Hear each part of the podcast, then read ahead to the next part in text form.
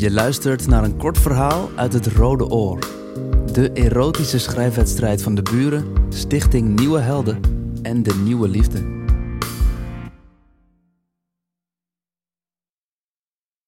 Mijn geslacht is dood. Zo dood als een pier.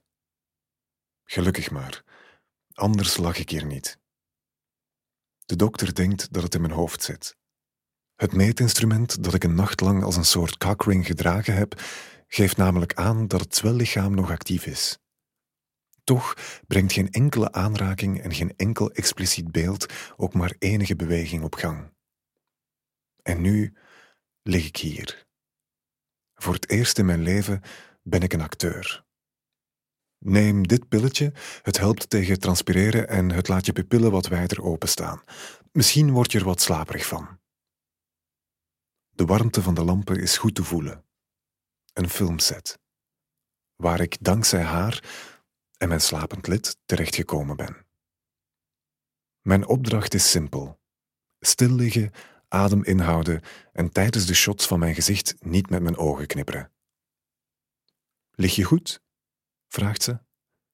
Prima, antwoord ik. Regelmatig komt er iemand kijken.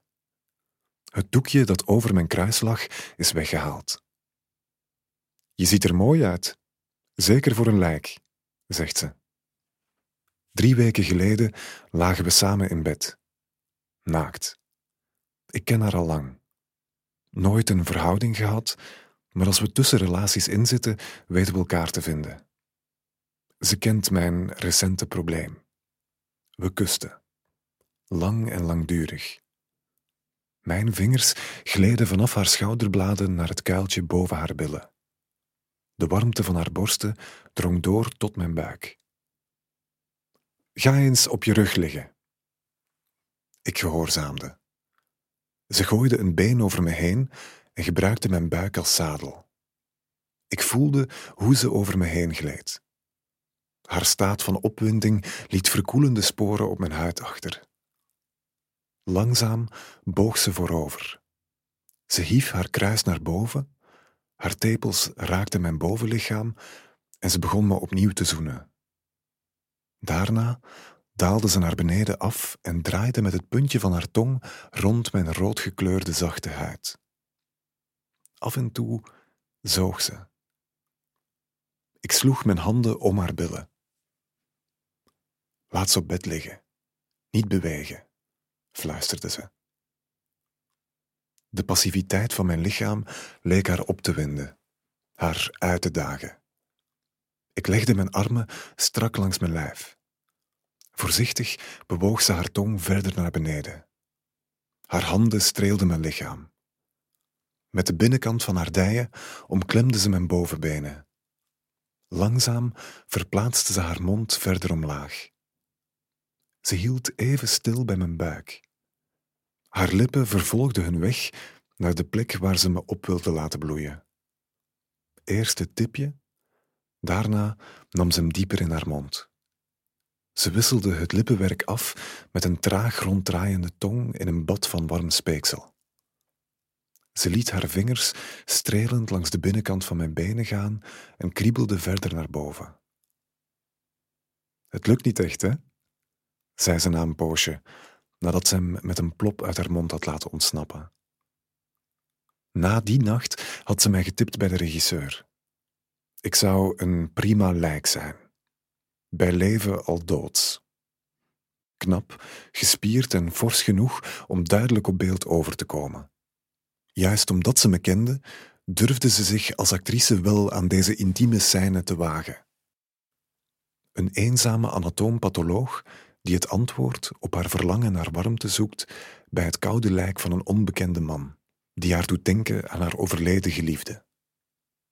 Actie. Ze streelt met haar gehandschoende hand langs mijn wangen. Tranen wellen op in haar ogen. Haar andere hand kroelt door mijn borsthaar. O, Michael, fluistert ze.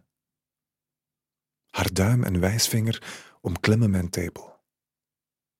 Ik heb je zo gemist. Het zijn woorden en handelingen die we van tevoren hebben doorgenomen. Straks zal ze naar mijn kruis grijpen en dat wat in werkelijkheid al dood is, ook voor de film niet tot leven kunnen wekken. Een close-up van enkele seconden. Lang genoeg om te imponeren.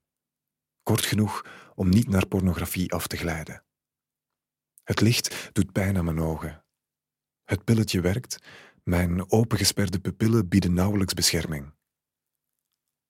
Je mag je ogen dicht doen als we zo verder gaan.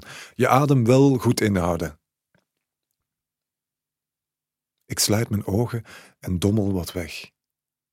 De warmte van de lampen, haar aanrakingen, het idee dat er zoveel mensen toekijken en het effect van het pilletje. Oké, opletten, iedereen klaar, actie. Ik houd mijn adem in. Ik voel hoe haar handen over mijn buik strelen en in een rechte lijn vanaf mijn navel naar beneden kruipen. Ze grijpt me stevig beet en beweegt langzaam op en neer. Het voelt heerlijk. Het rubber van de handschoenen, de warmte van haar huid die door het rubber dringt, de beweging, haar aanwezigheid, de op mij gerichte blikken. Plots trekt ze haar handen terug. Cut! Briest regisseur. Nee, denk ik. Ga door. Ik ben Rajiv Elkawi en dit verhaal is geschreven door Hadeke, een van de finalisten van het Rode Oor 2020. Je luisterde net naar een kort verhaal uit het Rode Oor. De erotische schrijfwedstrijd van het Vlaams-Nederlands Huis De Buren, Stichting Nieuwe Helden en De Nieuwe Liefde.